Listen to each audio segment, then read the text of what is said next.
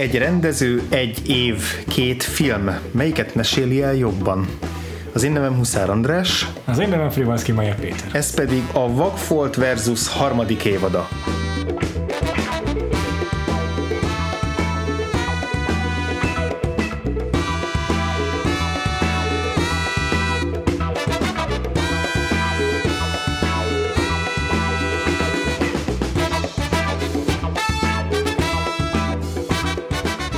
Így igaz, amelyben egy újabb koncepcióval látunk elő, hogy addig is minden évben kicsit megújítottuk az alap premisszáját a Vagfolt Versusnak, a Vagfolt Podcast nyári spin minden, év, minden évben, minden nyáron körülbelül 6-6 filmpárost vetünk egymásnak, és minden alkalommal kicsit máshogy választjuk ki ezeket a párosításokat. Ezúttal, ahogy András már a bevezetőben mondta, rendezők egy évben alkotott munkáit nézzük meg, és döntjük el, melyik sikerült jobban.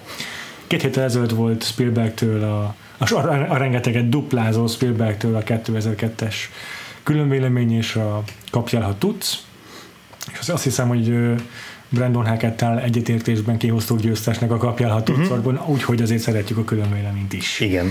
Ezúttal kicsit távolabbra nyúlunk vissza, 1941-be.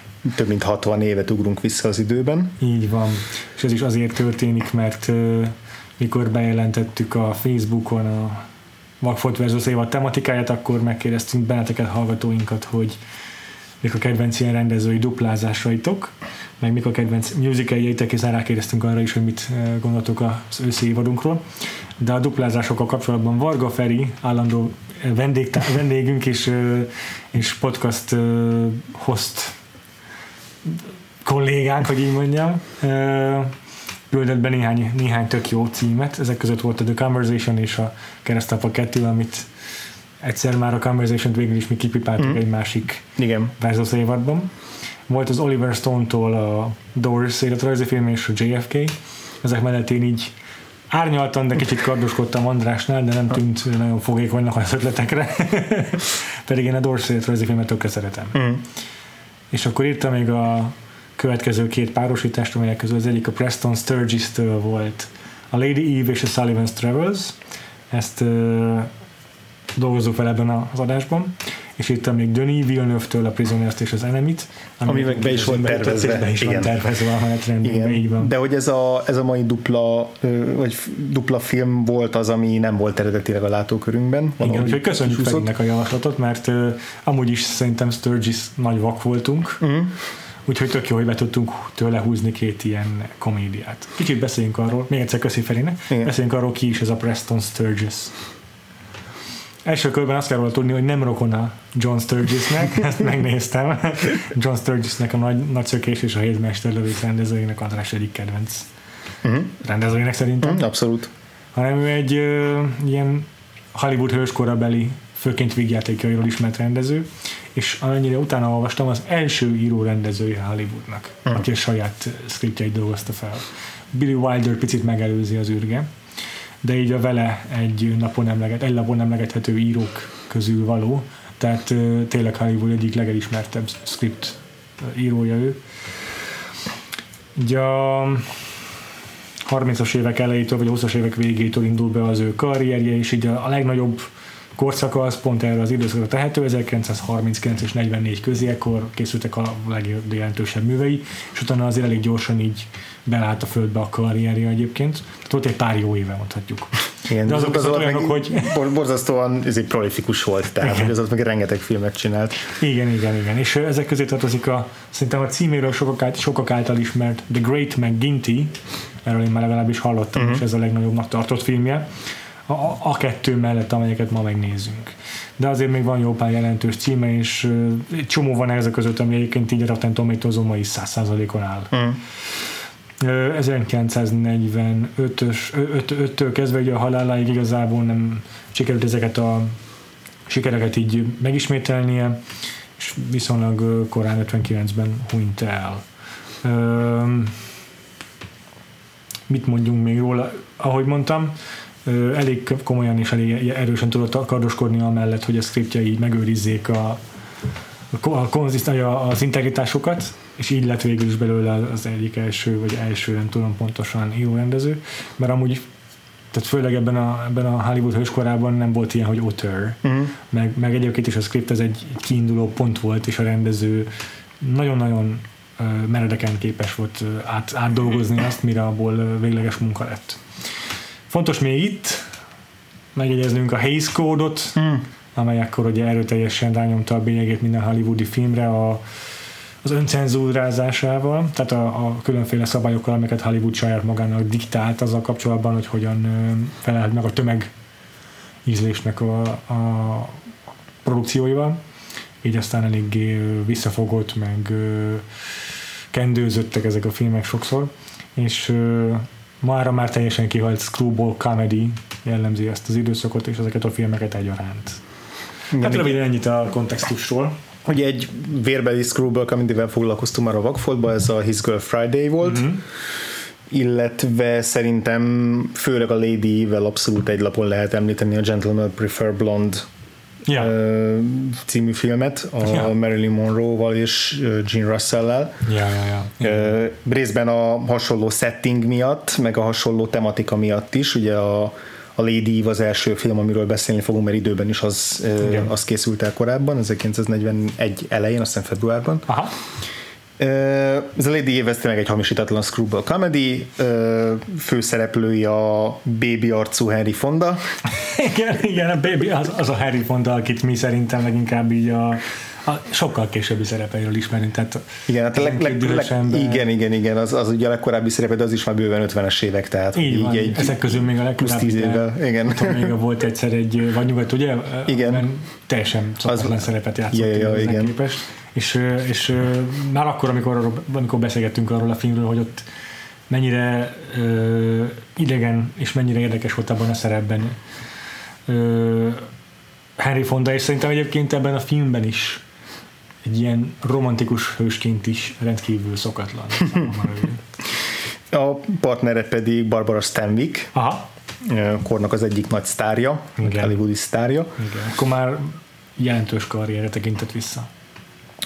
és, és az alapsztori igazából a, a filmnek egy nagy része egy óceánjáron játszódik, ezért mondtam a Gentleman Prefer Blondes ja, való párhuzamot, és ugyanígy egy nagyon karakán, nagyon határozott női főhőse van, aki pontosan tudja, hogy mit akar, leginkább olyan férfit megcsípni, aki vagyonos. Uh-huh. Ez plusz csavar ebben, hogy, hogy ez az illető hölgy ez szélhámos, tehát uh-huh. nem csak annyi, hogy egy gazdag férjet akar fogni, hanem még ráadásul igazából ki is akarja fosztani. Tehát Igen. A, az édesapjával együtt keresi a, a a leendő balekokat, akiket jól ez meg lehet kopasztani. Ez, egy, ez nekem se volt egyértelmű, ugye sokszor az apjaként hivatkozik rá, lehet, hogy csak egy idősebb mentor, akivel együtt dolgozik. Ez nekem sem volt teljesen tiszta a film igen, alatt. Igen, igen. És, és egy ezre, ezredesnek nevezik, de hát nyilvánvalóan semmilyen katonai háttere nincs a fickónak. Ja. és akkor ezen az óceánjáron belefut egy fiatal, egy trónörökösbe, olyan értelemben, hogy egy nagy vállalatnak a vezetőjének a fia, tehát aki bele született egy, egy nagy ö, sör vállalatba, vagy sörgyárnak a vezetőjének, vezetőjének a, a gyereke, viszont teljesen éltetlen fickó, tehát ő így nőkkel valószínűleg még soha életében nem ült le 5 percet beszélni, mondjuk az anyát leszámítva, én ezt így úgy képzelem.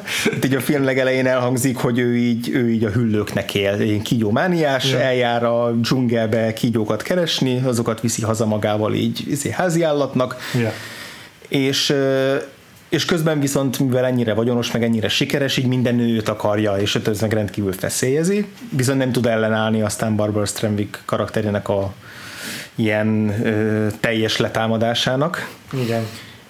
És aztán megbonyolítja a helyzetet, hogy, hogy a női főhős beleszeret ebbe a tudja fickóba. Valahogy okay. megérinti ennek a fickónak a naivitása és, és romantikussága. Képzeljétek el a Henry Fondát, mint egy tunya fickót. teljesen, de még az arca is mint nem fejlődött volna ki teljesen. Aha, aha. és akkor ez igazából csak a film első fele, és aztán van egy fordulat a filmben később, ami Ekkor újabb, értelmet a film cím ami is. újabb bonyodalmat okoz utána, és újabb komikus, sőt, még inkább komikus helyzeteket szül, amire majd nyilván beszélni fogunk. Ja, ja, jó van. Nekem egyébként most, ha már így soroltad, hogy milyen filmekkel lehet párhuzamot vonni a Vakfoltnak az eddigi műsortámából, hmm. még szeretném megemlíteni a Grifters-t is, mint műfai rokonságot képviselő filmet, és azért is érdekes szerintem kicsit a párhuzam, mert kicsit megcserélt szerepekben, de tök hasonló felállás, mert ott ugye a főszereplő szintén elég tunya figura, Hm, igen. de ott a férfi, a grifter, és az anyjával van egy hasonló furcsa viszony, tehát ott, a, a, ott nem, a, nem a női szereplőnek az édesap, nem a női szereplő szüleivel Igen. griftel, hanem, hanem pont fordítva a férfi főszereplő az, aki megörökli ezt a szakmáját. És ott is ez a egymásba szeretés okozza végül is a, a, a, az, hogy kiúranak valamilyen módon ebből a bizniszből. Na jó, Igen, meg a, a, akkor mégis rátromfolok egy újabb film, ami jó. eszembe jutott, hogy ugyan a szélhámosság nincs abban a filmben, vagy csak nagyon-nagyon a pillanatnyilag az elején, de hogy vagy az jutott eszembe erről a filmről, hogy, eh, hogy ilyen lett volna a Titanic, hogyha nem lett volna benne a jéghegy. Mhm. Csak ott is ilyen felcserélt szerepekkel, tehát ott is a, ugye a kvázi szélhámos az, a, az abban a filmben a Leonardo DiCaprio, csak igazából csak egy ilyen kártyás. Igen. És a, a, a naív, ö, ilyen aranyketrecbe zárt örökös nő pedig a Kate Winslet. és így szerintem annál a filmnél is beszéltük az adásban, hogy így Abban is egy rokonság a képzünk között, abban is, hogy így van egy ilyen, amikor mondja Harry Fonda Barbara Stanwycknek, hogy nem állunk ki a hajó orrába romantikázni, gyakorlatilag ezt mondja. Igen, igen, igen, és ott, és ott, ott, ott is van egy ilyen romantikus beszélgetés, sőt, a, a Henry Fonda karakterének van egy ilyen gardedámja, egy férfi gardedámja, egy ilyen buldogarcú fickó, aki folyamatosan így gyanakszik mindenkire, az tök olyan, mint a David Warner a Titanicban. Igen. Ugye még bejön a Billy Zane, a, karaktere megbonyolítja ezt az egész képletet, de hogy mégis az, a, azon gondolkoztam, hogy így ha, hasonlóan bonyolultan alakult volna valószínűleg a Jack és a Rose kapcsolata, hogyha, hogyha nincs a jéghegy, és leszállnak a New Yorkba a hajóról, és utána együtt próbálnak meg ott valamit kezdeni egymással a romantikus hajóút után. Igen. Hát ezek nyilván csak felületi hasonlóságok. De alapvetően ugye ebbe is a, ebbe a filmben is a, a humor mellett a romantika az így abszolút, Igen. abszolút hangsúlyos. Így van. Szóval te teljesen érik rá valóban a, a screwball comedy szerintem is. Egyébként te nem, tudom- nem tudom, hogy te hogy voltál ezzel a filmmel. Én utólag jobban élvezem, elvezek gondolkozni rajta, mint ahogy néztem. Annyira kiborítóan tehet, teszett a volt benne a Harry Fonda, hogy így sokszor ledobott ez a film sajnos. Igen, tehát én menet közben is jó szórakoztam rajta, de, de igazából szerintem én a, a Marilyn Monroe-s film Screwball comedy meg a His Girlfriend-en is sokkal jobban szórakoztam Aha. annak idején. Aha.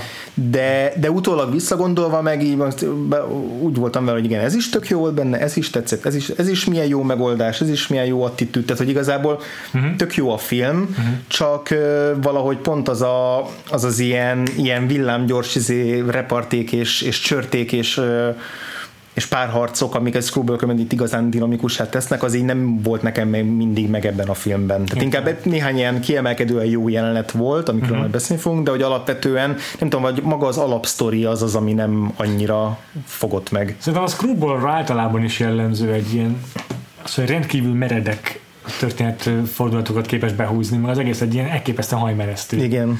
premisszából indul ki mindig, és, és ezt, ezt, ezt teljesen kimaximalizálja Preston Sturgis, és nála ezen van szerintem a hangsúly, uh-huh. és nem a csattanós one-linereken, Ez igaz. a, a, a odaszúrós jó egysorosokon. Ö, így is piszok jók a dialógusok, meg, ö, meg élvezem nagyon a szövegeit hallgatni, de leginkább nála szerintem tényleg a történetmesélés az, ami az erősebb ö, fegyvere, Mhm. illetve az, hogy a, a dialógusokban tényleg nem a, az élességük az, ami rendkívül izgi, hanem, hanem ö, hm, marha jó író. Ezt nem vonunk így. Igen. És, és tök jól burkolja szerintem például az expozícióit is, hogy ne legyen unalmas, meg tényleg annyira gyorsan mesél a sztoriait, hogy, hogy így azért hajmeresztő ez az egész. Uh-huh. De valahogyan van valami olyan izgalmas vagy intellektus a, a párbeszédeinek, ami nem a csattanósága miatt jó, hanem Hogy szellemes? Szellemes, inkább. Aha, igen, aha. ahogy ez az, hogy igen, in- ért- mindenlegesek a karakterek, Ja. furán játszik a, minden soron látom azt, hogy intelligens ember írta őket, még hogyha a szereplő maga nem is az intellektus, aminek Aha, aha. Igen, lehet, hogy- lehet, hogy engem az is zavar benne, hogy így maga az alapkoncepció az az egyik legkevésbé, általán legkevésbé kedvelt romkomos közhelyemre épül az, hogy van egy hazugság a film elején, és aztán egyre mélyebbre bele megy abba a hazugságba az adott szereplő, és utána már nem tud kikeveredni belőle. Uh-huh. pontosabban így meggondolja magát, de aztán már késő, mert amikor kiderül a hazugság, akkor, akkor borul minden. És igazából belegondolva érdekes dolgot kezel ezzel, vagy kezd ezzel a, a, a film. Tehát miután Henry Fonda akar, ö, megtudja, hogy a Barbara Streisand át akarta őt verni az elején, meg egy szélhámos, meg egy csaló, utána nem pont úgy folytatódik a sztoria, hogy én bárná, bártam volna. Hát igen, ez is igaz, mert, mert hogy a, a mai vígjátékban, vagy már nem nagyon készülnek romantikus vígjáték, De mondjuk a mondjuk egy 15-20 modern, év igen, igen. Vagy modern romantikus vigetében tök egyértelmű, hogy a film két harmadán lenne egy pont, amikor ez az egész így kiderül, Így van. megtörténik a, a, a nagy szakítás, Ilyen a nagy szomorúság. A, igen, és aztán történik egy nagy gesztus, és aki, aki Igen. elkövette a, a hazugságot, Az vezekel valahogy. Az, vagy, igen, így van, És hogy itt valahogy. tök, hogy itt pont nem ez van, hanem még a, aki az újságot elkövette, még bosszút akar állni.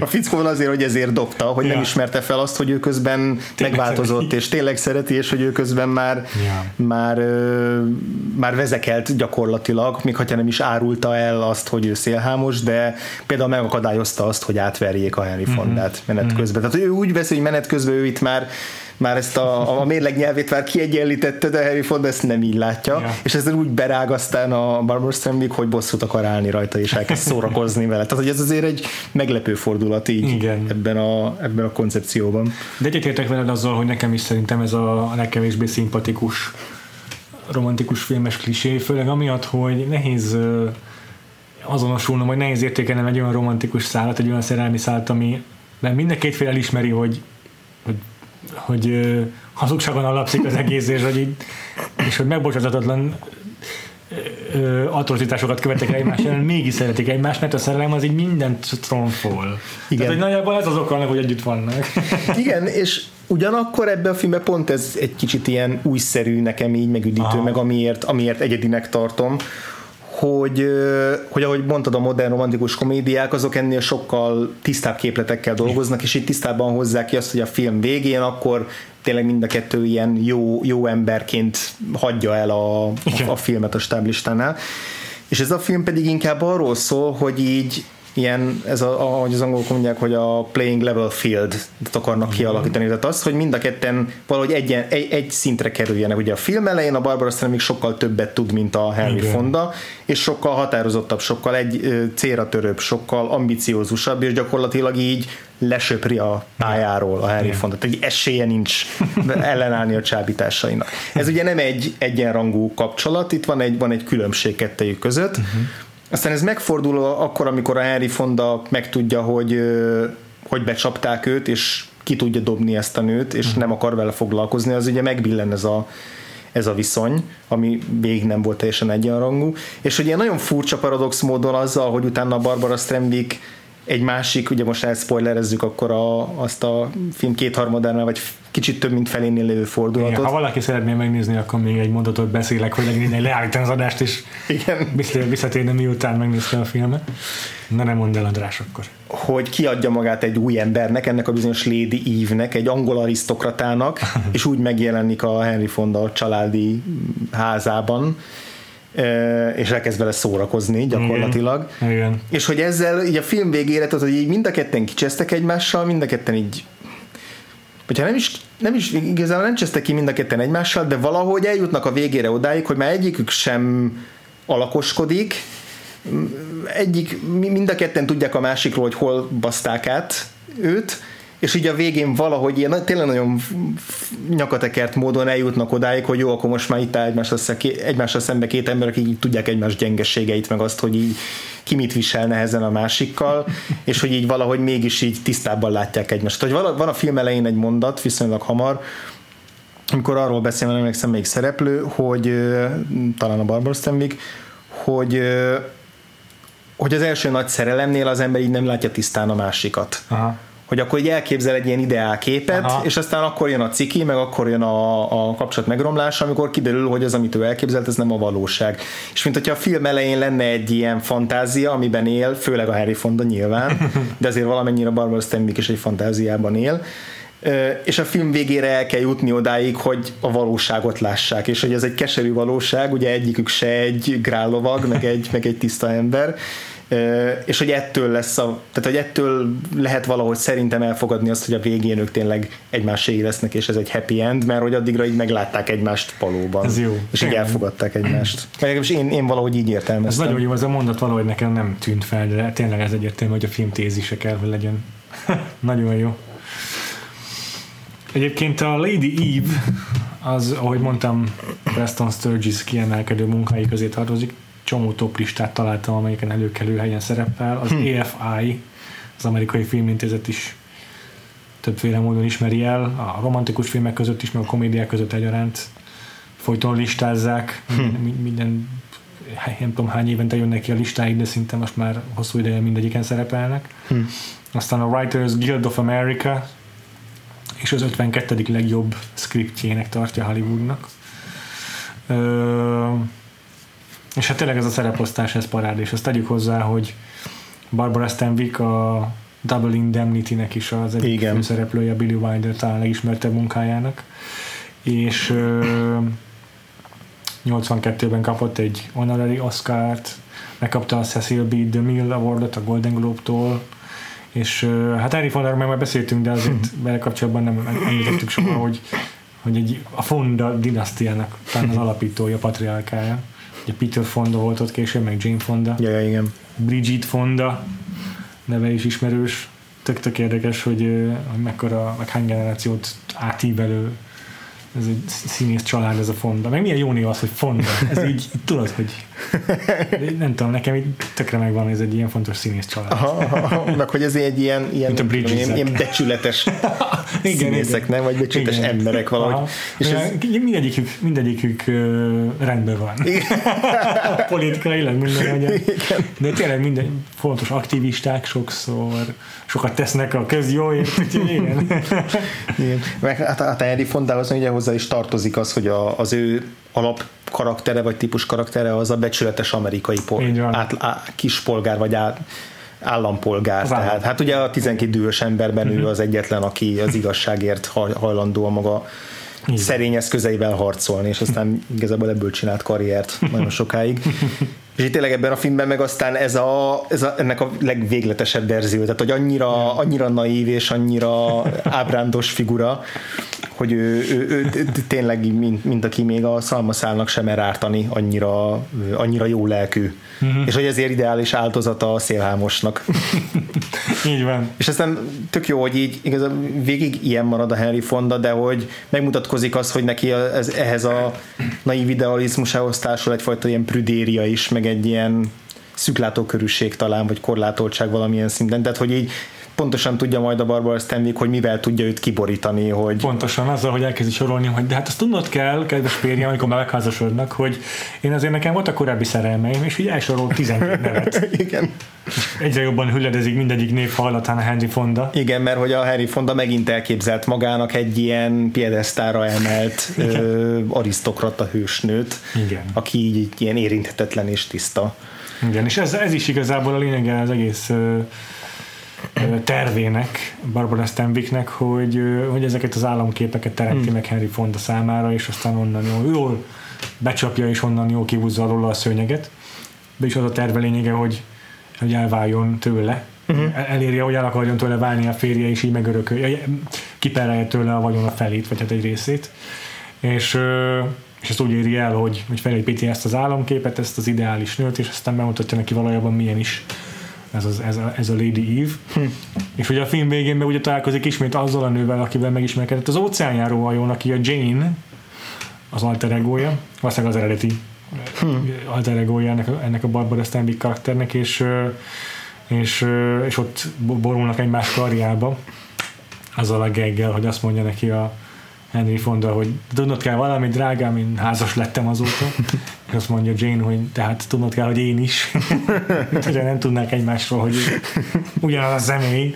Igen, ez nagyon béna lenne ez az egész uh, ilyen uh, félreértésen alapuló utolsó harmada a filmnek, hogyha nem uh, kezdenének el beszélgetni arról a szereplők már az első pillanatban, hogy te, ez nem az a nő. Ja, ja, ja. Tehát, hogy pont, ja. pont ettől lesz vicces, hogy a, hogy a Barbara Streisand így pillanatig sem próbálja átszázni magát, tehát hogy pontosan ugyanúgy néz ki, nincs minden komikus parókába, meg műfogsorral, ja. meg semmi ilyesmi, ja. Csak pont ugyanúgy néz ki. De amúgy gyakorlatilag ugyanaz a nő. Gyakorlatilag ugyanaz a nő, és így rögtön az elején, amikor a Harry Fonda úgy megy oda hozzá, hogy nem az óceán járonta, vagy, vagy nem, nem ismerjük egymást, hogy de, de, de lehet, hogy ismerjük egymást, és így el kell sorolni olyan helyeket, ahol nyilván nem találkozhattak. Mm. Tehát, hogy ilyen magától értetődőnek veszi azt, hogy ő, ő ismerős a Harry Fondának, és ezzel teljesen elbizonytalanítja. Yeah.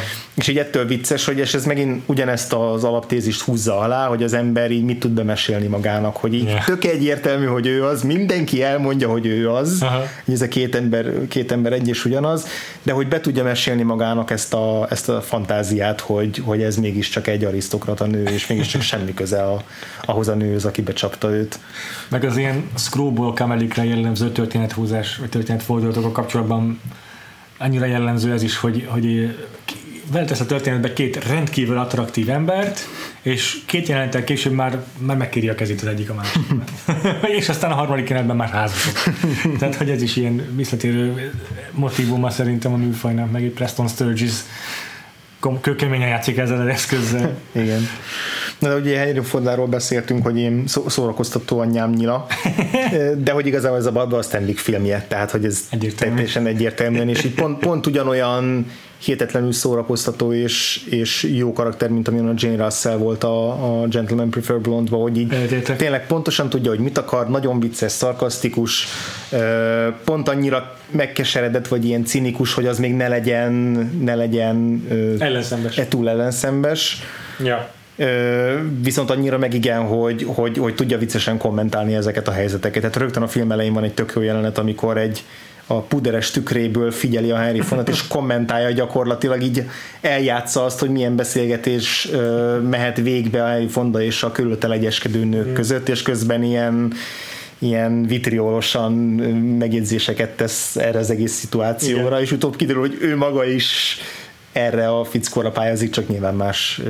Csak ő képes azért így tartani magát nem úgy, mint a hajón, az összes nő, aki tényleg epekedve figyeli Henry Fonda karakterét. Igen, igen. És, és tényleg tök jó az, hogy így, azért nekem a, a első fél óra a kedvencem ebből a filmből, mm-hmm. tehát a, a, az az első flörtölés, ami nem is nevezhető flörtölés, tényleg ez egy ilyen egyoldalú támad, letámadás. Mert így annyira jó nézni, ahogy így, mint egy ilyen pókhálójába bele ragad a Henry Fonda, mm-hmm. és hogy emlegettük a Hays Code-ot az, az adás elején, hát annyira nem tűnik úgy, mintha ez átment volna egy cenzoron, tehát hogy így itt minden szereplő teljesen kanos. Nagyon-nagyon feszegeti határait. Nagyon feszegeti határait, és így van egy konkrét jelenet, ahol így a Henry Fonda így befekszik a, a Barbara Stanwycknek így az ölébe, vagy így, így e, e, e, együtt így lefekszenek egy ágyra, és így elkezd így a fülét cirógatni a Harry Fonda. Hát passzus, annál erotikusabb jelenetet még ma is nagyon ritkán látni filmekben, bármilyen explicit vagy nem explicit. Tehát, hogy az így annyira füllet erotika, miután így konkrétan azt mondja a fickónak korábban, hogy így nem kéne most már ezért lefeküdnünk aludni, vagy így ágyba vonulnunk, ami megint ilyen nagyon egyértelmű célzása yeah. arra, hogy mi történik, és így tényleg az a jelenet, ahol ott fekszenek, és így, így, így beszélgetnek, miközben itt tényleg így círogatja a fülét, és a, a Harry Fonda meg így teljesen, teljesen kész van, és így itt megpróbálja a nő szoknyáját így, így a helyére tologatni, így kicsit lejjebb húzogatni. Szerintem ez egy, ez egy mondom, egy, még, még ma is így ö, kitehetné az ablakba büszkén bármelyik film arra, hogy, hogy hogyan lehet az erotikát úgy ábrázolni, hogy közben igazából nem, még, még egy csók se csattan el. Igen. ez jó.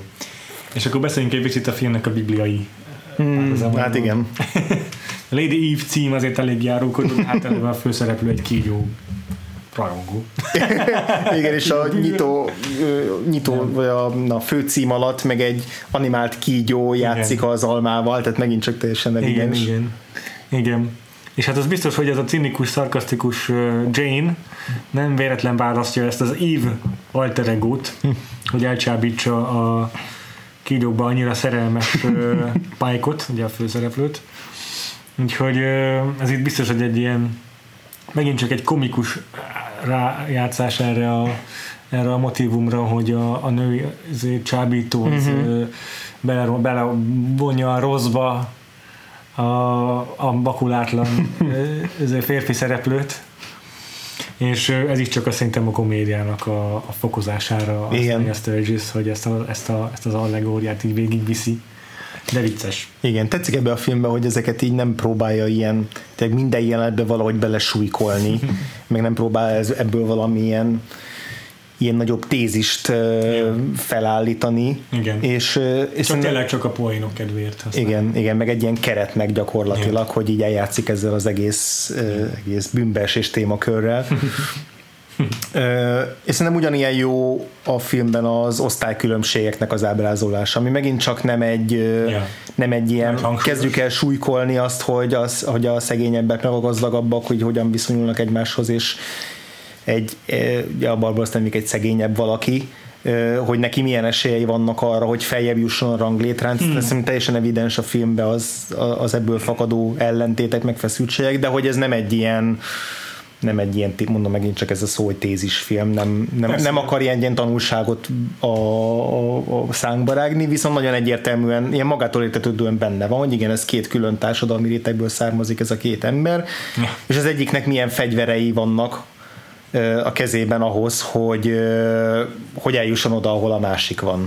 És hogy milyen, az is egy tök jó kritikája itt, mert tényleg egy explicit társadalomkritika ez, de hogy az a felső osztálynak egy okos kritikája, vagy aranyos kritikája, hogy a Lady Eve, aki a talpra esett alulról származó nő, az hogyan veri át a felső osztályt azzal, hogy teljesen elképesztő történeteket, történeteket állít magáról, hogy hogyan kötött ki Amerikában, és mindenki áhítattal meséli egymás között a, az összes gazdag nő, hogy tudtad, hogy tenger alatt járulni között Amerikában? Ilyen hülyeségeket Igen. be, be, be, be, be, Igen, tehát hogy a, Neki- hogy, hogy a látszat az, hogy ő eladja magát ennek a szuperintelligens és szuper társasági Igen. ö, gazdag nőnek, ez a látszat, ez így mindenkit beetett a Igen. környezetében. Igen. És mindenki tényleg így eszik a tenyeréből.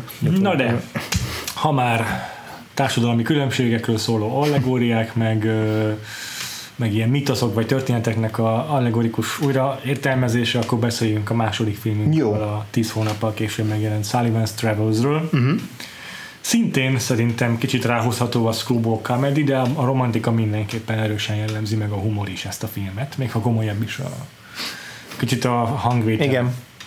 Ebben a filmben a romantikus párost Joel, Mc, Joel McCrae és Veronica Lake. Igen, igen, a meg. McRae, de ha jól tudom, akkor McRae-ának kell ejteni McCrae, egyébként. Igen. szépen.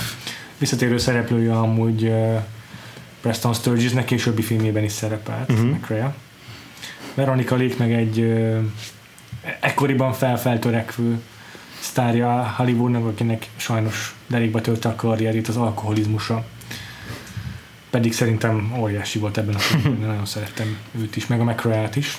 Igen, a Veronica Lake-nek igazából egy ilyen pár év volt az, amíg, amíg uh-huh. tündökölt uh-huh. a, mondjuk 41-től, vagy 40-től körülbelül 45-ig, 46-ig. Tehát, hogy egy nagyon-nagyon rövid idő alatt, de akkor ilyen a legnagyobb box office sztárja volt kb. Én, az egyik évben Hollywoodnak, és a többiben is, tehát ilyen Örülök. címlapsztori volt, a, az amerikai háborús propagandában részt, részt vett, ö, vagyis a stúdió így betolta, hogy akkor így vele, vele nyomják a, ugye háborús üzeneteket, tehát hogy ő, ő, ő akkor egy abszolút gigasztárnak számított egy-két évig gyakorlatilag, mm-hmm. és, aztán, és aztán különböző okok miatt többek között az alkoholizmusa, meg, meg ilyen egyéb okok miatt aztán, aztán gyakorlatilag véget ért nagyon hamar a, a karrierje. Hmm. John McRae meg szerintem elsősorban, ahonnan én ismerem, azok meg a westernek, tehát hogy ő egy ilyen nagy western sztár volt. Aha. főleg ezután a film után rengeteg, rengeteg Aha. westernben játszott. Film története pedig az, hogy ez a John McCrea egy uh, Sullivan nevű filmproducert, Joel McCrea, bocsánat, nem John, egy Sullivan nevű filmproducert játszik, Filmrendezőt. rendezőt, bocsánat, igen, és uh, meg akarja rendezni az Oh Brother, Where Art Thou című filmet, amelyet biztos mindenki ismer a Q&A-től, innen vették igen az ötletet, uh, amely egy ilyen társadalom alsóbb osztályról, rétegről szóló film lenne, megmutatja a nyomort Amerikában, és most végre egy igazi komoly drámát csinálunk, de hát ezt nem tudja megcsinálni, mert ő túlságosan előkelő. Hogy ismerje a szegények igazi nyomorát, és ezért eldönti, hogy most kipróbálja milyen szegénynek lenni. Uh-huh. és ebben partnerére talál, véletlenül összeismerkedik ezzel a Veronika Lake által játszott nővel, és annyira megtetszenek egymásnak, hogy úgy dönt a nő, hogy mellé szegődik ebben a küldetésében a Sullivan's Travels-ben, gyakorlatilag, ahol így meg, megnézi, milyen az, a szegények egzotikus élete. Ez az egzotikus világ, ahol a szegények élnek. és és a különböző megméretetései és próbatételeit is vagyunk meg ennek a filmrendezőnek. Igen, szerintem ez egy iszonyatosan vicces film volt. Mm-hmm. Tehát én, én sokkal jobban szerettem a Lady Eve-nél. Mm-hmm. Szerintem egy felgetegesen jó vígjáték. Mm-hmm de tényleg az első perctől kezdve egy annyira jó, főleg a, a player után, a játékos után, Robert Altman féle player után, egy annyira jó Hollywood szatíraként indult rögtön az elején, és annyira, tehát én fogom sem volt, hogy miről szól ez a film, abszolút semmi ötletem volt, nem volt, úgyhogy amikor a, az elején elkezdődött egy, egy vonat tetején játszódó akciójelenettel, akkor azt mondom, hogy oké, okay, akkor ez így indul a film. Ja, ja, ja. És tök jó fordulat volt, amikor kiderült, hogy nem, ez valójában a Sullivan rendezőnek az aktuális új filmje, és teljesen kész van attól, hogy ilyen commerce szarokat kell gyártani, miközben nyomorog mindenki a világban. De így nekünk is váratlan volt az, hogy Preston Sturges, ó, most egy teljesen más műfaj, de jó lesz, hogy két ennyire különböző filmet csinál, és így az a fordulat, hogy nem, nem, nem másmilyen filmet csinál. És szerintem nagyon-nagyon jól eltalálja ez a film azt, hogy rögtön az elején nyilvánvalóvá teszi, hogy mennyire idióta ez a, a, a, a, a Sullivan. Igen. Tehát, hogy mennyire idióta ez az egész terve. Igen. És, és megmondják neki, hogy, hogy tehát az a két producer, aki, akivel beszélget a film elején, azok így rögtön világosra teszik számára, hogy, hogy egy mekkora ilyen snob segfej ja, ja. gyakorlatilag. Tehát, hogy így az az, az, az, az, amit így kitalál magának, az így a valósághoz semmi köze nincsen.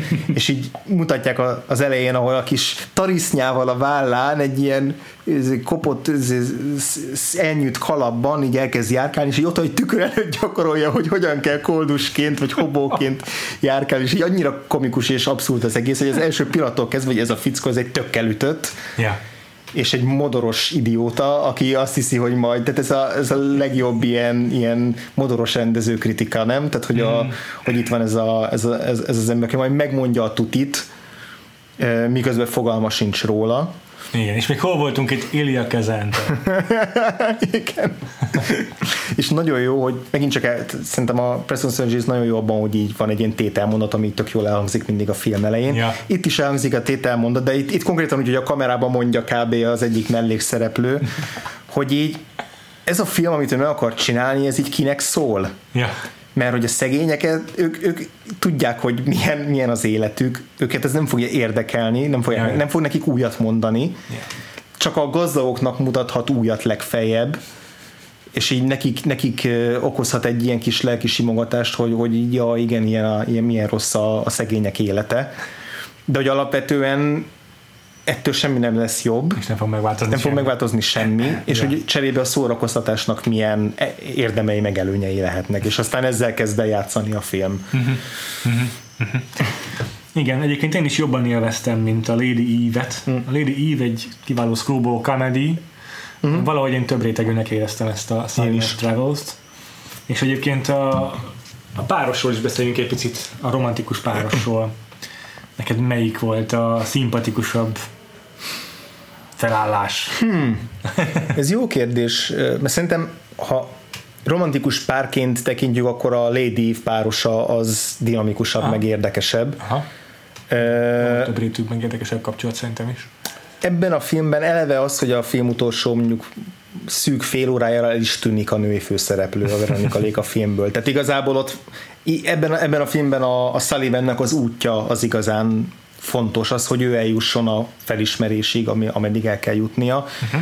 És ez a románc, ez csak egy ilyen mellékes ha nem is közjáték, de, de csak egy plusz dolog, és nem ez a, a gerince a filmnek, mint a Lady nél Ezért gondolom, hogy abban a filmben erősebb maga a romantikus szál is, mert sokkal inkább arra fókuszál a film. Szerinted? Valójában tényleg ki lehetne hagyni a filmből a romantikus szállat. Úgy is érzem, mintha az azért tette volna bele Sturgis, mert kötelező eleme a műfajnak, mm. meg a korszak filmjeinek de ugyanakkor mert annyira bivajerős szerintem a chemistry a kettejük között. Nagyon, nagyon, igen. lepattan a vászonról. igen, de ez, nagyon élveztem őket nézni. Az az első beszélgetés a, a dinerben, abban a vendéglőben, amikor először megismerkednek, az egy elképesztően jó párbeszéd. Eleve a Preston Sturges ő úgy veszi fel ezeket a párbeszédeket, hogy nem vág közben. Tehát nincs az, hogy snit reakció snit, uh-huh. hanem beáll egy izé, túlsatba, és akkor úgy hagyja a kamerát, forogjon, és ettől néha egy picit laposabb maga képileg a film, viszont cserébe a, fi, a, a ritmusa, a párbeszédeknek és a színészi alakítások azok sokkal jobban tudnak érvényesülni. Uh-huh. Meg lehetne ezt persze úgy is tök jól oldani, hogy a párbeszéd ritmusára vág, és úgy lesz izgalmas, erre is van rengeteg példa, de hogy azzal, hogy, hogy vágás nélkül hagyja őket beszélgetni, ezzel nekem sokkal jobban kijött az, hogy mennyire penge a, a dialógus, Aha. mennyire fergetegesen jók a párbeszédek, és mennyire jó ütemben és jó ritmusban adják elő őket a színészek, mert mm-hmm. egyszerűen tényleg nem volt, semmi más nem tudunk nézni, meg figyelni, csak őket ezekben a jelenetekben, és ennél a vendéglős jelenetnél is annyira jó a Veronika Léknek ez a az ő karakterének, aki nincs is megnevezve a filmben, nem kap nevet, uh-huh annyira jók a, ezek a pont eléggé ö, kiégett válaszai. Ő egy, egy olyan színésznőt játszik, aki épp haza akar menni, mert nem tud befutni Hollywoodban. Igen. És, és ide ebből ki, ki is írtam egy csomó mondatot, mert így annyira jók voltak, hogy ilyen, ilyen szállóégeként.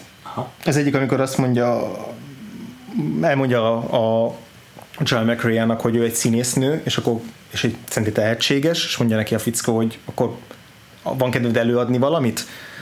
Mondta, hogy nincs. A következő impersonáció megszemélyesítésem, tehát a következő karakter, akit megszemélyesítik, az egy olyan nő lesz, aki, aki el, eltűz Hollywoodból. Ez is tök jó. A másik szuper kedvenc mondatom, amikor, amikor azt mondja, hogy hogy azért jó fizetni egy fickó ennivalóját, mert uh, akkor nem kell nevetni a poénjain. De ez azután miután a fickó egy tök sótlan valaki. ez, ez, egy fergeteges mondat. És, és tényleg egy annyira jó ilyen ilyen összjáték alakul ki itt kettejük között, amit aztán folyamatosan tudnak újra meg újra még Igen. így, ha nem is bonyolítani, de újra játszani, és uh-huh. De egyszerűen tényleg csak rájátszanak a, a, arra, hogy a néző milyen szimpátiát érez irántuk. És ez Igen. végig piszkos, hogy jól működik. Igen, és ez például a férfi szereplőnél tök nehéz, hogy szimpátiát alakítsuk ki, mert mint mondtam, egy idióta. Még inkább, mint a Harry Fonda, aki egy jó szándékú idióta. Persze Sullivan is jó szándékú, de közben annyira csak beképzelt, beképzelt és annyira nincs Igen. fogalma arról, hogy ő valójában milyen, Aha. hogy emiatt nehéz lenne azonosulni vele, de közben meg annyira azért, tehát hogy nem gúnyos a film vele mhm. kapcsolatban, és mhm. nem akarja elverni rajta feltétlenül a port. Tehát valamennyire azért együtt érez mindenkivel, uh-huh. minden szereplőjével, és ezért mi is együtt tudunk érezni vele. Tehát, hogy megtalálja az arányt a szatíra, nagyon jó a szatíra meg a mese között, hogy így ki is uh-huh. gúnyolja ezt a szereplőt, de közben egy ilyen szép felnővés történet, vagy egy ilyen akkor ilyen népmesei történet, uh-huh. hogy az áruhás herceg az, az megtanulja a leckét a film végére. Uh-huh. Tényleg nem véletlen, hogy ez a Sullivan's Travels így rímel is a Gulliver's Travels szerintem, mert az egyértelmű, hogy egy ilyen modern mítoszteremtést annak az elemeit használja ki ahhoz, hogy ezek az, ezek, ez a történet tudjon működni. Igen. Tehát tele van tényleg ilyen epizódikus ö, kis pillanatokkal, amikor megismerkedik a, a, a hajlítalan szállón az emberekkel, igen. megismerkedik a Hobokkal, fekete közösségben a, a vallásos vezetővel, stb. Tehát, hogy így, így ezek tényleg ilyen, mint egy mesében, amikor különböző állomásokra Igen, hát ez ilyen pikareszk történet, tényleg egy Igen, ilyen utazó történet. Ami nagyon tetszett az utazás van ebben a filmben, a film első egy órájában mindig ugyanott a lyukat ki.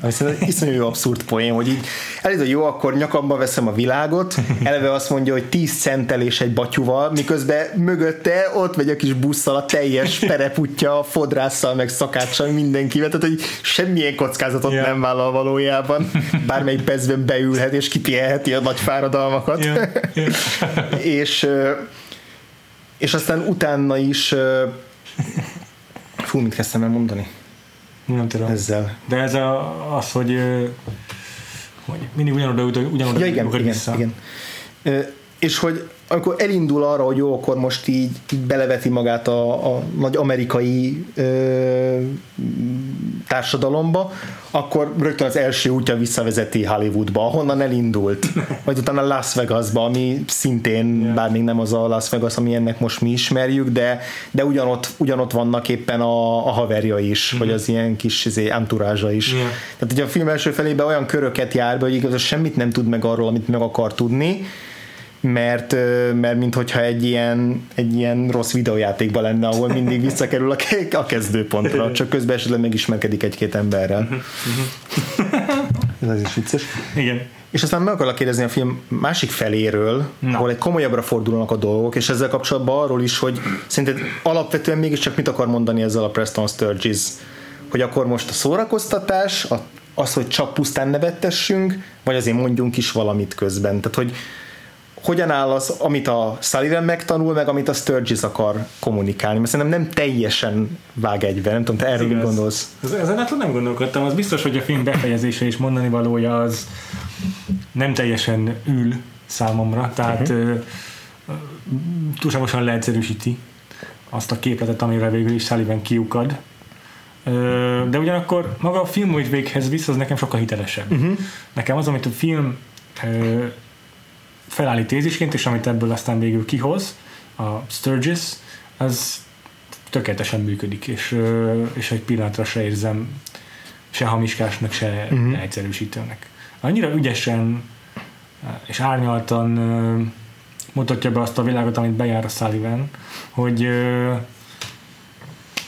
hogy azt érzem, hogy ez a korához képest biztos, hogy egy előremutató és intelligens film volt. Abszolút, igen. És pont ezért is gondolom, hogy a film végén az utolsó párbeszédben ugye azt hangzik el, hogy akkor mégse fogja megcsinálni az O Brother Where Art Thou uh-huh. vaskos könyvnek a a gazdasági világválság utáni nyomorról fájtlat fellebbentő nagy rögrealista opuszát. Pedig az ökolandozásai végül akkor a hírt kapnak, hogy megadnák rá a pénzt Igen, a igen. Tehát sikerül a terve gyakorlatilag, igen. de addigra már meggondolja magát, és inkább egy vígjátékot akar csinálni, mert megtapasztalta azt, hogy amikor leginkább szenvednek az emberek, akik csak, akkor csak eszképista a Disney-féle igen. Igen, menekülni akarnak valamibe, ami nem feltétlenül tudnak nevetni, és ennek mekkora ereje van. Igen. És, és ez tényleg egy nagyon leegyszerűsítő lenne, és szerintem maga a, a Preston Sturges filmje a bizonyíték arra, hogy ez nem egy ilyen fekete-fehér dolog, nem? Tehát, hogy ez egy full szórakoztató film, hm. nagyon vicces, nagyon könnyed, nagyon laza, egy vigyáték, de közben azért mond is valamit a társadalomról, de nem Igen. úgy, hogy, hogy most mondani akarok valamit a társadalomról. Igen. A film csak... második felében, amit mondtál, szerintem is erre gondoltál, hogy mennyire progresszív, hogy amikor a feketéket ábrázolja a fekete közösségbe, az egy abszolút elfogadó és, és haladó szellemiségű, főleg 1941-ben, ahogy a, amikor még blackface bőven divatban van. Hallod, ebben a filmben van egy whiteface. Igen. Van egy fekete karakter, akit képen törölnek valami fehér habban. Igen. Ez, ha nem egyértelműen egy ilyen gúnytűzés Igen. a akkor semmi. Igen, de utána az még lehetne csak egy plusz gag, Aha. de aztán a végén meglátunk egy olyan közösséget, Igen ami befogadja a, az elesetteket, vagy a rabokat, a börtön töltelékeket, oh. és együtt közösen egy térben ugyanazon a dolgon a filmen nevetnek, a mozin nevetnek. Annyira komplex annak a jelenetnek a a, a képi világa, hm. hogy van egy templom, egy, egy feketék által megtöltött templom, ahol egy fekete predikátor prédikál. Ezt percekig hallgatjuk, úgyhogy egyébként nem volt felvezetés a jelenetnek, és nem is lenne szükség rá, hogy ezt lássuk, csak a Sturgis úgy dönt, hogy ezt most mi meg fogjuk nézni. És ezután bevonul a sullivan együtt ez a rengeteg ember, fehérek, akik láncra vannak verve, a fekete ö, templomba az Isten Miközben énekelnek. Így van. Egyébként azok pivajaros felvételek. Uh-huh. A rendezés szempontjából is szerintem ez az erősebbik műve a Igen. Sturgisnek. Szóval ez önmagában ez a kontraszt, hogy a szabad feketék és az vallásukat gyakorló feketék azért bevonul egy csomó láncra vett fehér ember, ez, ez iszonyatosan jó. És akkor ott, egy, amit mondál, hogy ott egy, és azért ülnek be, ahogy Isten házába, hogy filmezzenek. Igen. Na mindegy, ennek az egész, ennek az egész képnek, meg képsornak a komplexitása, ez így rétegeket lehet lehámozni egymásról, és akkor igen, hogy együtt nézik a Disney filmet, amiben a Pluto csetlik botlik, és az röhögnek. Ez, ez, ez marha erős szerintem is. Igen. És kontrasztba állítva azzal, hogy a Sullivan az elején a saját filmje premierjére ül be, és ott meg ugye a, ezzel szemben a mozi egyet kifizetni képes elit, mennyire unottan nézi az ő uh-huh. filmét, és abszolút nem érdekel senkit, amit a vásznon látnak, hanem csak csámcsognak, meg sírnak, meg azzal foglalkoznak a gyerekek, hogy hogy abszolút nem nézi senki a filmet gyakorlatilag. Itt meg mindenki odáig van a látottakért, ez, ez tök jó. Tök jó is. Ez, ez valóban leegyszerűsíti végül ezt a, ezt a képletet, de maga a, a, kontextus, ami behelyezi őket, az viszont rendkívül gazdag. Igen, és hogy azt is elkerüli a film, hogy itt most egy nyomorpornó legyen, vagy Igen. kizsákmányolja Igen, azt, azt, ahogy Hollywoodban elképzelik a, a szegényeket. Uh-huh. Ez csak megmutatja, hogy egyébként ilyen az élet. Igen. És inkább a, a főszereplőiből űz gúnyt, amikor nagy nehezen be, izé, másznak a robogóvonatnak a, az egyik vagonjába, de ilyen iszonyatosan szerencsétlenül, és bentről így nézik a, izé, a, a hobok, hogy Jézusom, ezek az idióták mit művelnek, amatőrök, igen. igen. És aztán amikor elkezdenek nekik ilyen süket dumátolni, akkor ki is mennek, és így ott hagyják őket, és fölmennek inkább a vonat tetejére. Ja, ja. Mert itt is azt hogy a Sturgis, hogy a, a, az alulról jövők mennyivel tabbra esettek. Hmm. És, és ez végigvonul a filmen akkor is, amikor már rab a Sullivan, és tök jókat beszélget a, a rabokkal egyébként, akik, akik, akik össze van zárva. Azokat, azonnak a jelentenek is a humorát, humorát baromira bírom, nagyon jó karaktereket teremtett Igen. a Sullivan, a Sturgis, meg egyébként olyan a castingja is a filmnek, hogy így imádom nézni ezeket a fejeket. Amikor étkezik, étkezik ott a hobókkal, meg a rabokkal, az mindig ilyen marha jó figurákkal vannak megtöltve ezek a terek. Igen, és így pont ezért érzem azt, hogy a, hogy a Sullivan nem a Sturgisnek az alter egója ebben a filmben. Ez egy karakter. Uh-huh. És a, uh-huh. és a Sturgis pont azt gondolja, hogy igenis lehet olyan filmet csinálni, ami szórakoztató, és közben állít is valamit, csak az a lényeg, hogy ne, ne arról szóljon a film, hogy most mondani akarunk valamit. Szerintem uh-huh. igazából ez a számunkra nézők számára a, a tanulsága a filmnek, hogy, hogy nyugodtan össze lehet ezt a kettőt egyeztetni, és ez, ez egyik nem zárja ki a másikat. Ez így ez. Jó. Nem Szerintem tudom, hogy egész jól kibeszéltük. Mondd, hogy mi van a kérdésed. Igazából csak annyi, hogy még vannak-e ilyen jelenetek, pillanatok, amik így kiemelkednek, amikről esetleg nem beszéltünk, ilyen Tényleg. kedvencek. Van, van egy pár, de főleg a, a Sullivan's Travels-ból az egyik exoperebb ilyen trekking shot, amikor megy a Sullivan és a barátnője, a Victoria Lake karaktere uh-huh. egy, egy tópartján, talán tó. Igen. És marha jól játszik itt ebben a filmben a sötéttel, meg a fényárnyék játékkal. Sturgis, sokkal erősebbnek tartom a képi világát ennek a filmnek, mint a Lady Eve-t. És uh, itt is a vaksötét éjszakában battyognak, ballagnak egy tó partján, uh-huh. és egy, eleve egy marha jó kinéző, szépen bevilágított felvétel, de hogy van egy ilyen geg, hogy nem tudom az, hogy mire véljem, hogy elhaladnak, egy hosszú ez a és elhaladnak egy fa mellett, amire valószínűleg fel van kötve valaki. Valószínűleg egy öngyilkos lehetett, vagy a fene se tudja. Vagy meglincseltek valakit. valakit. De a, a, csak nem is foglalkoznak vele, nem is vesznek róla a tudomást. Csak ott van egy pár láb, ami lóg bele a képbe, és így elmennek mellette. És az egész film nem szól erről, Aha. nem is emeli ki meg semmi. Kemény. Szín nagyon durva. De egyébként tényleg a, a, a templomos jelenet, az, amit nem nagyon sokat beszéltem róla, az szerintem iszonyat jó és, és tök szórakoztató volt a, tényleg a megismerkedési fázisa is a, kapcsolat, a, kapcsolat, a kettőjük kapcsolatának. A... Veronika elég tényleg szenzációs, hogyha nem mondtuk még elégszer, az hihetetlenül jó.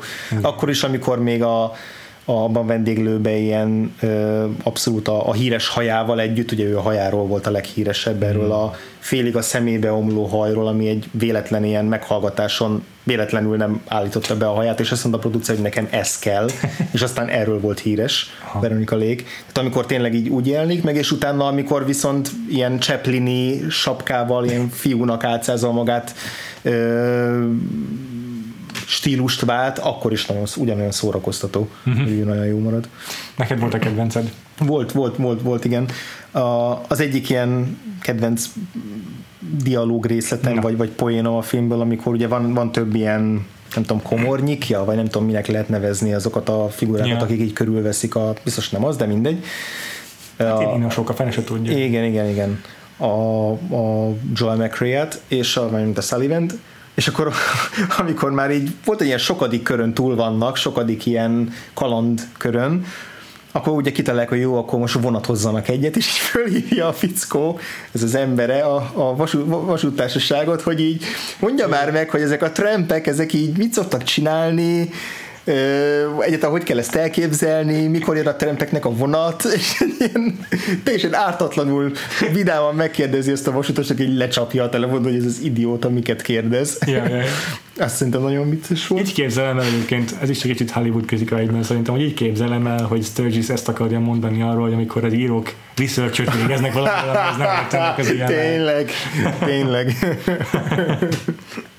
Hú, most erre eszembe jutott, hogy így simán lehetne párhuzamot vonni, eh, ilyen 80-as, 90-es évekbeli, főleg 80-as években voltak szerintem ilyen komédiák, tehát ilyen Eddie Murphy, meg Kevin Klein, meg ez, amikor ez a, ugyanezzel játszanak, hogy a gazdagok szegények, és akkor egyik kiadja magát a másiknak, vagy akár még a, a Boratnak a, a diktátora is ugyanez, amikor így... Borátnak a diktátora. Nem? Már a Sasha Baron Cohennek a diktátora. Ja, jó, igen, szóval érted, értitek, mindenki érti, mit akarok mondani, csak én nem. Ezt akartam még kiemelni.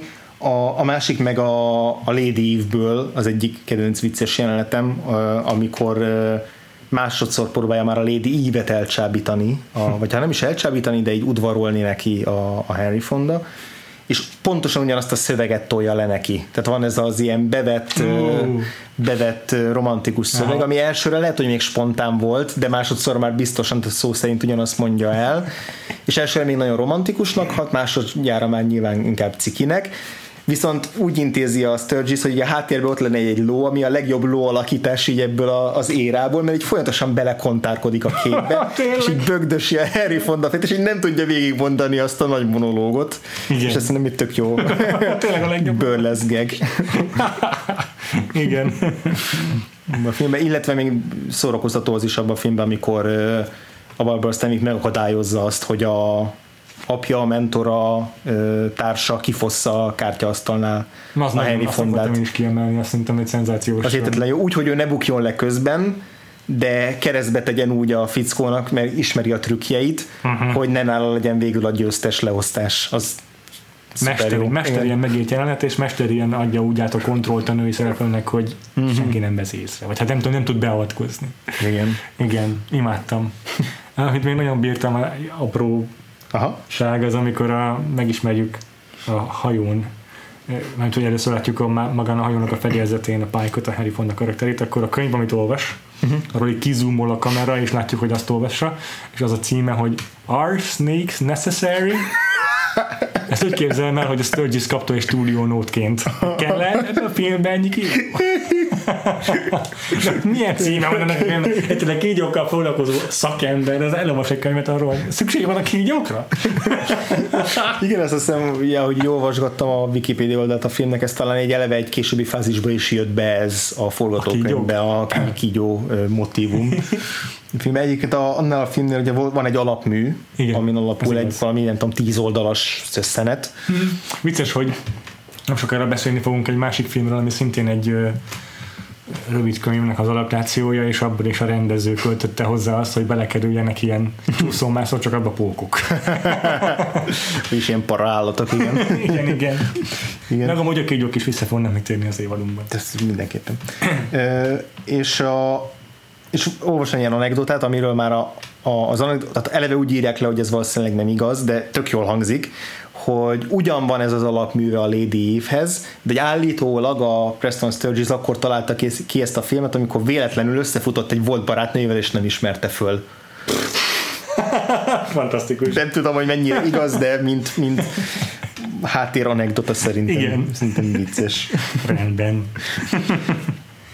Hát jó, köszönjük még egyszer Varga Felének ezt a két uh, tippet. Én, Igen. Én gazdagodtam a filmet. Én is abszolút, meg ezzel a rendezővel, meg színészekkel is, tehát Barbara Stanwycket is egy, talán egy, egy valamiben láttam korábban, és, és nagyon jó volt egy ilyen kiemelt szerepében. Nekem John McCrea rendkívül szimpatikus, Aha. és, és a Holy Holgas termetével, meg a, meg a baba arcával tökre, tökre leugrik nekem a vászonról. Igen, érdekes.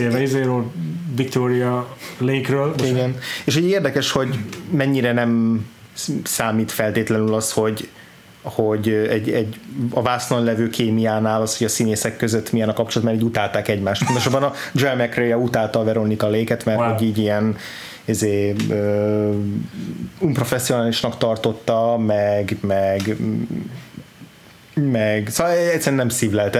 Tehát, hogy nem volt köztük meg egy olyan abszolút izé, uh, szikra a, valóságba, ami a vásznon átjött volna. Ez nekem mindig érdekes, főleg olyankor szokott eszembe jutni, amikor mondjuk lehet tudni egy filmes párról, hogy ők a való életben együtt vannak, és itt tökre nem érezni a képernyőn. Aha. Igen. És ez mindig olyan furcsa, hogy így, de hát ők, ők valójában együtt vannak, és tök jól meg vannak együtt, és akkor miért nincs, miért nincs meg ez ugyanez a kamera előtt? Aha. És hogy ennek az, ennek az, az ellentéte is mennyire Viszont az most akkor szerintem egy kicsit nem mondtuk ki, de én úgy érzem, mind úgy érezzük, hogy a Henry Fonda a négy közül az, aki a legrövidebbet húzta. Igen. Talán. Igen. Érdekes, mert ez a csetlős, botlós szerep, ezzel a tragikus arccal, amivel végigjátsza a filmet, ez olyan, mintha szerette volna megidézni a Néma filmes hmm. legendákat, mint Buster keaton vagy Chaplin-t, de neki valahogy nem állt jól szerintem ez a Nem annyira, szerep. Nem annyira, nem annyira, és ugye szerintem James Stewart lehetett volna, aki még így a, a helyébe lép, és ő, ő hozzá valahogy jobban tudnám elképzelni, hogy érdekesebb lenne egy ilyen csetlőbotló szerepben, mint ja. a Harry Fonda. A Harry Fonda tényleg annyira jó fiú, uh-huh. hogy az valahogy üti a, a komikumát, bár az tagadhatatlan, hogy nagyon jókat esik a film második felébe, tehát a petfollók azok, azokat szerintem jól hozza, azt azért tegyük hozzá. És ott a, azt mondom, egyébként nekünk ezek szerintem azért tényleg jó, de van egy pár olyan, ami már így soknak érezzük, de az a helyzet, hogy mi már rengeteg ilyet látunk Igen, geget, amikor de, így mond. De fejezd be nyugodtan. Hogy van az anyát, amikor a valamelyik embere így a háznak az ablakába figyel, és át akar menni a másik ablakhoz, ott figyel, és persze elbotlik valami kert ki, Igen. Tudom, növényben. Na, ilyet már mi milliószor de valószínűleg itt még ez még az elsők egyike volt. Meg hogy a, azon az es, ezen az estén Henry Fonda háromszor esik át valami azért, mert nem bírja levenni a szemét a Lady Eve-ről. Ja, De hogy egyébként ezen nem csak mi akadunk ki adott esetben, hogy ez túl sok, a konkrétan a stúdió azt mondta, hogy ez túl sok, mm. hogy ne legyen ennyi, és a Preston Sturges meg, meg azt mondta, hogy fitysz nektek, akkor is ennyi lesz benne. Sőt, beleteszek még egyet, csak azért is.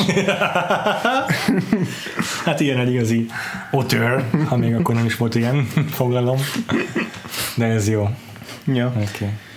Jó, hát játékkal nem nagyon lehetett itt készülni most ennél az adásnál. Egyrészt, a, még ha elő is turnánk valahonnan egy box office adatot, valószínűleg egyetlen filmet se ismernénk Persze. a, korból ezeken Igen. kívül.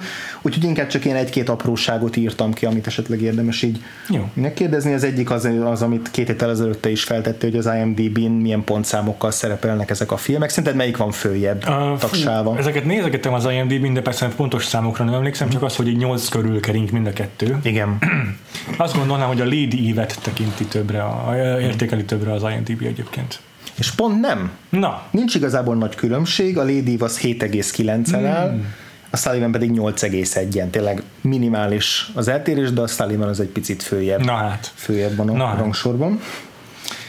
És egyébként azt megnézted, hogy Sturgis filmográfiájából melyik a legkiemelkedőbb mű? IMDb pontszámok alapján uh, ezt nem, ezt, ezt nem néztem meg. Még ezt megnézhetjük, mert gyanítom, hogy vagy akkor a Sullivan's Travels, de lehet, mm. hogy a McGinty, a lehet. Great McGinty még lenyomja. Mást nem hiszem, hogy, hogy lehetne esetleg a bitorlók között számon tartani, megnézem. Hm, jó. Néztem még esetleg valami érdekesség? Igen. Mit igen. gondolsz, hogy az 1941-es Oscar díjátadón a két filmet együtt hány Oscarra jelölhették vajon? Fú, ez Ugye nagyon, egy nagyon jó kérdés. Van. Nagyon-nagyon jó kérdés, mert ennek abszolút nem néztem utána. És hozzáteszem, hogy ez még az az időszak, amikor van olyan kategória, ahol ilyen 20 filmet jelölnek. Tehát nincs az, hogy csak 5 lehet, hanem rengeteg filmet jelölnek majdnem minden kategóriában. Wow. Azt tudom, hogy Sturgisnek egy oszkárja van, az a meginti scriptje volt. Aha. Hogy hányra jelölték, azt persze nem néztem meg. Ö... Nem lepődném meg, ha nulla lenne egyébként ez a szám de azért legyünk, legyünk jó indulatúak, nem tudom, abszolút nem tudom, mik voltak egyébként, amik indultak abban az évben, uh-huh. hogy fogalmam sincs, mihez kell mérni, Aha. mihez kell viszonyítani. Azt meg aztán végképp nem, hogy az akkori akadémia hogyan állt hozzá mondjuk a Screwball Comedyhez, meg úgy általában a műfaj, vagy a képviselőihez. De ha rajtam múlna, akkor azért a színészek közül, itt tudom, a négyből kettőnél biztos adnék jelölést, uh-huh és jelölést és rendezésre jelölném a Sullivan's Travels-t, és mind a kettőnek adnék egy forgatókönyvíró jelölést is, szóval minimum öt, uh-huh. és akkor nem beszélünk még a technikai kategóriákról. Uh, izgalmas a vágása a Sullivan's Travelsnek, mégiscsak tele van montázsokkal, meg amit te is mondtál, szeretik értékelni azt, hogyha egy, hogyha egy vágó nem vág, hmm. ugye a hosszú párbeszédeket egybe vesszük fel. Úgyhogy um, operatőri munkában is szerintem azért kiemelkedő, a, legalábbis a Sullivan's Travels biztosan, diszletekben meg a, a, a Lady Eve, úgyhogy akkor ez már plusz három, akkor azt mondanám, hogy hogy legalább, akkor három, négy, akkor hét jelölés mondok. Nem mond. Egy, Egy. darab. Egy darab jelölést Na mi volt húzott az? be. Szerinted mi lehet az a, akkor, amit megcsípett? Szerintem akkor a script, scriptje volt, és azt mondanám, hogy inkább akkor a Lady Eve scriptjét. Így van, majdnem. Ugye itt három script kategória van még, ilyen adap... Oh, aha. A, és az abból a háromból a, a, a legjobb story, legjobb alapsztori. Tehát ugye, ami nem is Oh. igazából nem is a screenplay díjazza, hanem a kvázi adaptált, de igazából a, a, az original story, tehát a legjobb alaptörténetet, Igen. és abból a, a Lady Eve-nek ez az emlegetett Oh. valahány pár oldalas Ja, szóval azt, azt, azt, se a. Sturgis érdemelte ki, Pontosan, pontosan, még, még azt se a Sturgis húzta be. Botrány. És egyébként semmi másra nem jelölték. Érdekes, hogy két színészt a filmekből jelöltek más filmekért, tehát itt mindenki, igen, mindenki ezerrel dolgozott mindenen. Aha. Egyik a Barbara Stanwyck, Aha. Őt jelölték a The Devil and Miss Jones című filmért, ami nekem nem ismerős, Aha. de legjobb női főszereplő kategóriába őt jelölték. Ha. Nem, bocsánat, a Ball of Fire, bocsánat, Ball of Fire, ami egy Howard Hawks film. Hmm.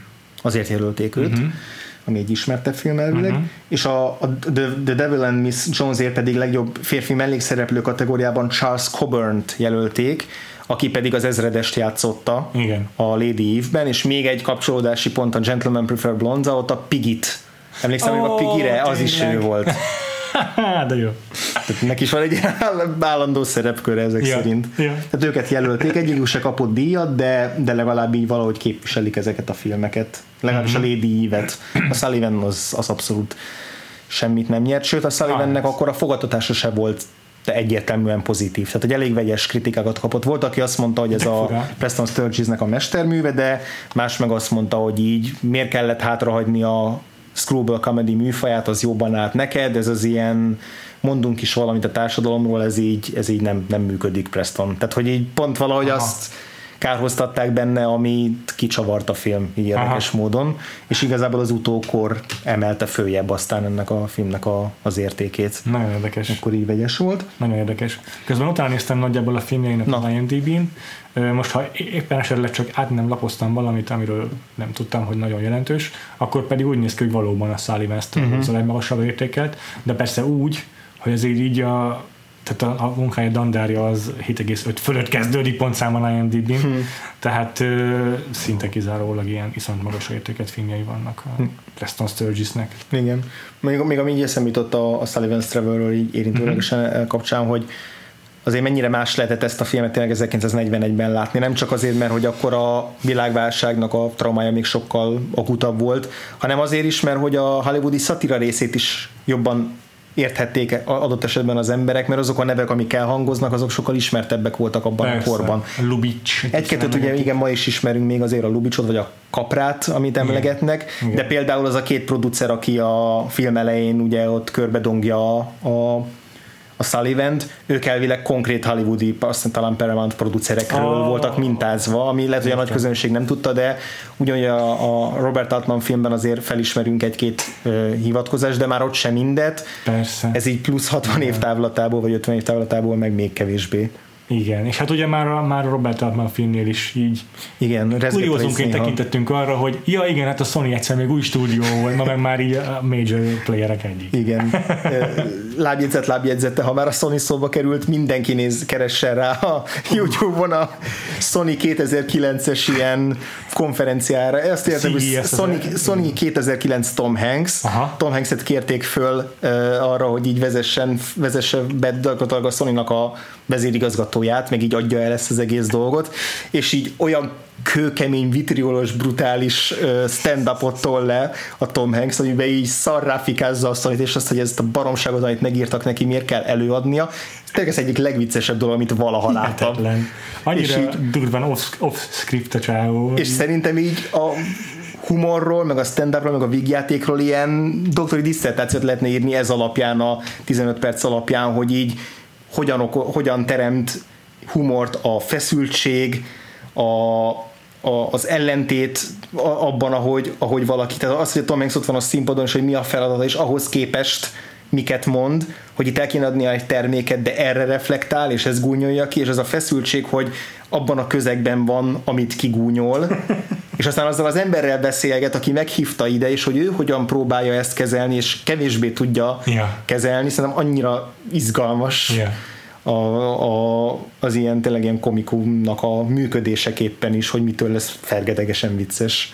Felmerülhet, hogy az nem, nem volt megírva, hogy az, az szkriptől eltér, de valójában azt tudni lehet a Tom Hanksről, hogy tényleg legendásan jobb a színpadi jelenléte és a humorérzékeiben. Tehát így a, mostanában Tom, Toy Story-val kapcsolatban több sztorit hallottam, mm. hogy azért rengeteget így turnéznek a stábbal, a, a többi szinkronszínésszel a Toy Story-t reklámozandó, és hogy Tim Ellen világhírű komikus, és általában az van, hogy a Tim Ellen így előadja a kis stand-upját, amikor uh-huh. színpadon vannak, és így mondja a bevett fordulatait, meg a szövegeit, és a Tom Hanks már mindig annyira természetes és vicces, és tök jók a sztorizik, uh-huh. hogy így hihetetlen mennyire tényleg na, természetesen jó komikus ő.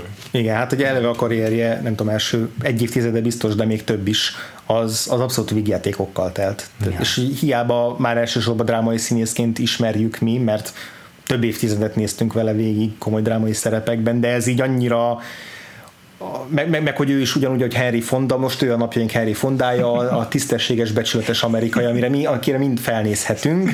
Ő az apukánk, még így nekünk is, innen sok ezer kilométerről, de hogy ez tök jó emlékeztető volt arra, hogy kibaszott vicces, Aha. és nagyon kemény, tehát hogy tényleg ez bevállalós is, meg, meg, meg itt aztán semmilyen izé, kesztyűs kézzel nem bánik senkivel. Ja a munkaadójával konkrétan, mert hogy itt a Sony azért, Sony azért tudta őt rávenni, mert akkoriban a legérdelmezőbb ja. munkákat tőle kapta. A Dan Brown adaptációkat, igen. igen, igen. igen. Na de egyébként az Oscarra visszatérve, amiket ebben, a film, ebben az évben jelöltek, és még így ismerünk is ma, ugye megnyerte a How Green Was My Valley című John Ford film, ami oh. ugye kivetesen nem western John Tényleg. Fordtól. Tényleg a John Ford filmek, hát azok voltak akkor annak a hatalmas igen. De ez a Citizen Kane éve, az aranypolgár uh, éve. De várj, az nyert az Oscarokon? Ez pont, hogy alig... Jelölték sok mindenre, ja, de aha. ugye nem nyerte meg, hanem helyette más nyerte meg uh-huh. a legtöbb jelentős uh-huh. díjat, de elég sok kategóriába jelölték. Tényleg, de hiányok ezt tettek egyértelmű. Illetve a Máta is sólyom, ami pedig ugye Humphrey Bogart alapvetés. És Szintén... a rendezője meg a általunk sokat emlegetett John Huston. Igen, és a, és a negyedik ilyen máig közismert film az pedig a Dumbo, ami Nem szintén 1941. Ha! Azt lehet, hogy ez még egy korábbi verzió, nem tudom. Nem, az az, de az, az, annak bizony, kell az a híres. lennie, igen. Az a híres, az a híres. Igen, azt a mindenségét, ez nagyon jó. Szóval legfeljebb ezeket lehet volna kitalálni. Disneynek az, az, hogy behozta itt a Sullivan be a Disney-t, a Sturgis, az tök aktuális volt. Ja, igen. És akkor már, akkor már ekkora stúdió volt a Disney. Nem csak izékat csinált, Steamboat Willie rajzfilmeket, hanem tényleg már nagy nagy player volt. Igen, tehát már, már eddig meg volt a, a hófehérke is, ja. ugye? Tehát az, az, az, az, a legelső. Az ott az első, igen. Biztos.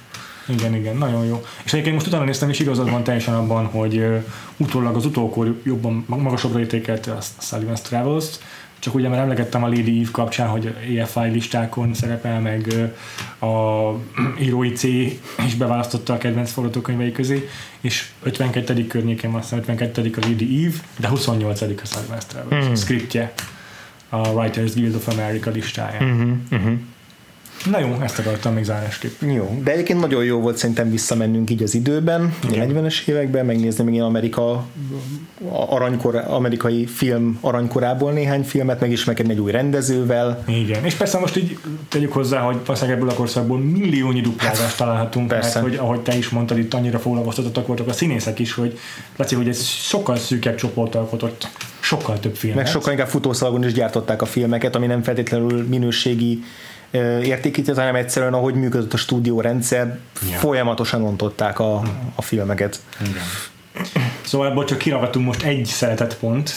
Igen. De, de mi, még egy több évadnyit lehetne csak 1940-es évek elejéről. Sőt, igazából most már azt is tudjuk, ezt, ezt se tudtuk szerintem egyikünk se előre, hogyha akarnánk, meg akarjuk majd egyszer csinálni a sok-sok év távlatából elkészült remékeket, akkor egy kis csalással a Sullivan's Travel-t meg az O Brother Where így össze is párosíthatnánk akár, mert így vannak hasonlóság, ugye abban is rabokat játszanak a George Clooney-ék, yeah.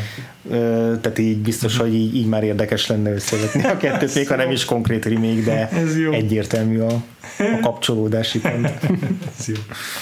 Hát rendben van, most már ideje elbúcsúznunk a hallgatóktól, uh-huh. és mhm. jelentenünk, hogy legközelebb mivel fogunk találkozni. Ha már most ugye nem azt néztük meg, amit megígértünk nektek, mert a legutóbb szerintem bejelentettük, hogy... Szerintem nem. Szerintem pont, pont nem tudtuk még akkor, hogy ja, mi tényleg. fog történni. Jó, most már tudjuk, András? Szerintem mi most se tudjuk hát, pontosan. Legyen, legyen, legyen is. Ez most egy ilyen bizonytalan volt versus, igazából mindenféle szervezések miatt. Igen, mert sok a vendégünk, és ki kell pótolni, hogyha éppen nem ér rá valaki, akkor át kell szervezni a műsor menetrendjét. Igen, úgyhogy így emiatt még nem biztos, hogy mivel fogunk foglalkozni két hét múlva, de biztos, hogy jövünk két hét múlva, Igen. két újabb filmmel, majd menet közben azért valahol bejelentjük, már vagy nem? Vagy nem. Ezt se jelentettük be szerintem, úgyhogy... Azt tudtuk, hogy biztos elveszik Ez most ilyen Yeah. Próbáljatok így a flow-al így haladni. Az a nyári évad, ezt így nem kell komolyan venni. Nem, nem. És két hetetek van bepótolni a adott filmet, hogyha adott filmeket, hogyha meg akarjátok előtte nézni, úgyhogy Igen. belefér minden, amit szeretnétek. Megtaláltok minket addig is a vakfolpodcast.hu-n, Facebookon is a Vakfolt Podcast név alatt, iTunes-on, illetve az összes többi podcast szolgáltatón is létezünk, ugyanúgy értékeljetek, meg kövessetek, meg minden ilyesmi. Lehet külön a Vakfolt versus, ha valakinek ez így külön, esetleg egy annyira különbözik a Vakfolt podcasttól, hogy Csak ezt külön ezt akkor, vagy a külön feliratkozni is lehet rá. És természetesen van Twitterünk. András? Az aztán van, engem a Gains aláhúzás név alatt, téged Péter. Engem Freevo név alatt kettő elvel. De van egy Vagfolt Podcast handlünk is, és oda is nyugodtan írhatok bármit nekünk. Ja. Látni fogjuk és olvasni. És téged hol lehet még ezen kívül olvasni, András? Ne titkold. A Recorder magazinban jelennek meg cikkeim, most legutóbb a júniusi számba írtam például a Deadwood filmről, oh, Isten. vagy Bruce Springsteen karrierjéről, Hmm. úgyhogy meg még, meg még pár dologról, úgyhogy ott érdemes figyelni minden hónapban nyomtatott verzióban a fővárosiaknak, és aztán online pedig kikerülnek a cikkek, amikről tételen úgy is írt adok, mert kurva vagyok. Rendben van. Kellenek a lájkok. Találkozunk akkor Andrással a Recorder magazin lapjain, két hét múlva pedig a Vakfot Versus-szal. Uh-huh. És Addig. valakikkel valakikkel. még. Igen. Addig, Addig is sziasztok. Sziasztok, és jó nyaralást. Thank you.